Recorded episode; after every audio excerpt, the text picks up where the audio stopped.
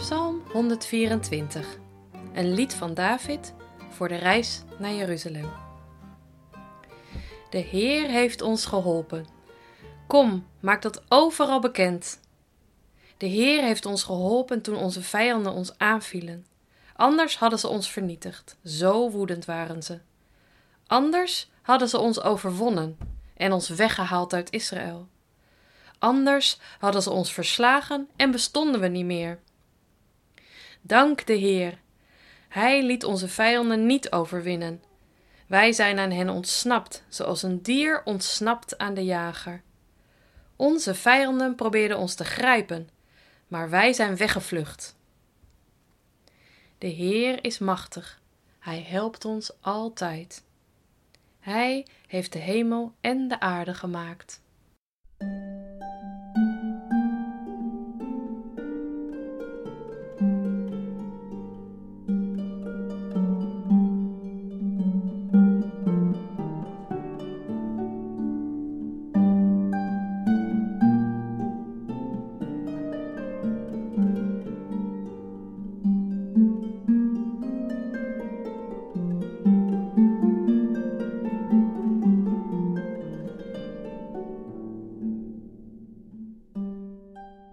Eben Haezer.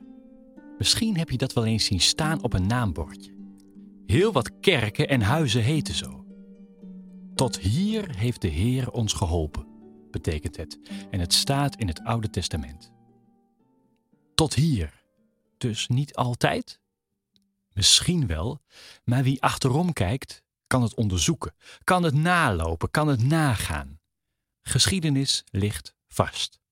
De feiten zijn controleerbaar. Maar heel vaak richten we ons op wat God nog gaat doen. Wat Hij allemaal nog voor ons moet doen. In de toekomst. Achterom kijken, in ons geloof, doen we zelden. De Heer heeft ons geholpen, dicht psalm. Want anders waren we vernietigd, anders waren we overwonnen, anders waren we verslagen.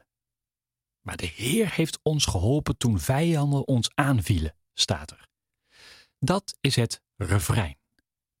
En een refrein wordt herhaald zodat je het gaat onthouden, zodat je het eigen kunt maken.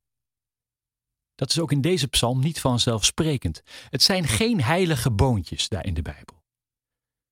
De psalm spreekt over oorlog en over strijd. Als je dan wint, dan heb je nogal snel de neiging om dat aan jezelf toe te schrijven. Ik deed het toch maar mooi. Ik vocht wel mooi mee. Ik was toch een belangrijk onderdeel, een onmisbaar radertje in het geheel. Vergelijk het met het Nederlands elftal. Wij hebben gewonnen, zeggen we dan. Maar ze hebben verloren.